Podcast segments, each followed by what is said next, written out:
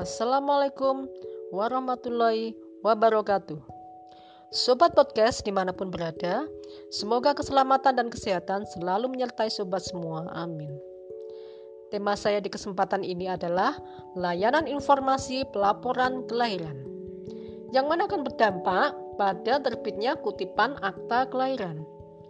Kutipan akta kelahiran adalah kutipan data autentik yang dipetik sebagian dari register akta kelahiran yang diterbitkan dan ditandatangani oleh pejabat berwenang berdasarkan peraturan perundang-undangan. Setiap kelahiran wajib dilaporkan oleh penduduk kepada Dinas Kependudukan dan Pencatatan Sipil di tempat penduduk berdomisili.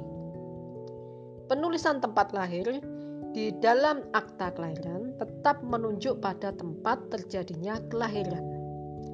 Hal ini sesuai dengan penjelasan atas Undang-Undang Republik Indonesia Nomor 24 Tahun 2013 tentang perubahan atas Undang-Undang Nomor 23 Tahun 2006 tentang Administrasi Kependudukan Angka 7 Pasal 27 Ayat 1.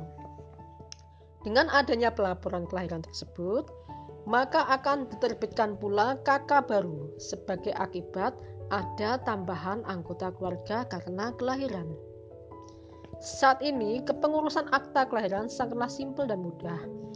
Penduduk tidak perlu lagi surat pengantar RT diketahui lurah maupun camat, tetapi langsung mengurus ke Dinas Kependudukan dan Pencatatan Sipil Kota Madiun dengan membawa surat keterangan lahir dari rumah sakit atau bidan, fotokopi KTPL orang tua bayi, kakak asli, fotokopi kutipan akta perkawinan atau buku nikah, fotokopi KTPL dua orang saksi, informasi anak keberapa, dan nama anak yang dilahirkan. Namun demikian, karena sikon negara sedang dilanda COVID-19, ada kebijakan kemudahan dalam mengurus akta kelahiran.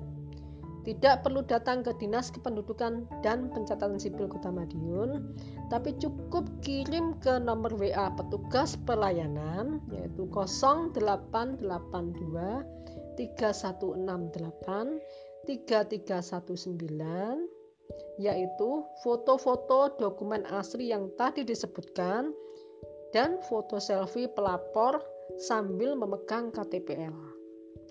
Apabila ada kesulitan, atau belum jelas dengan informasi ini, dapat menghubungi saya Sri Astuti, Kasih Pemerintahan Kelurahan Kanigoro pada nomor WA 0888 557 8733. Demikian sobat podcast, informasi yang dapat saya sampaikan. Semoga berguna dan bermanfaat untuk kita semua. Wassalamualaikum warahmatullahi wabarakatuh.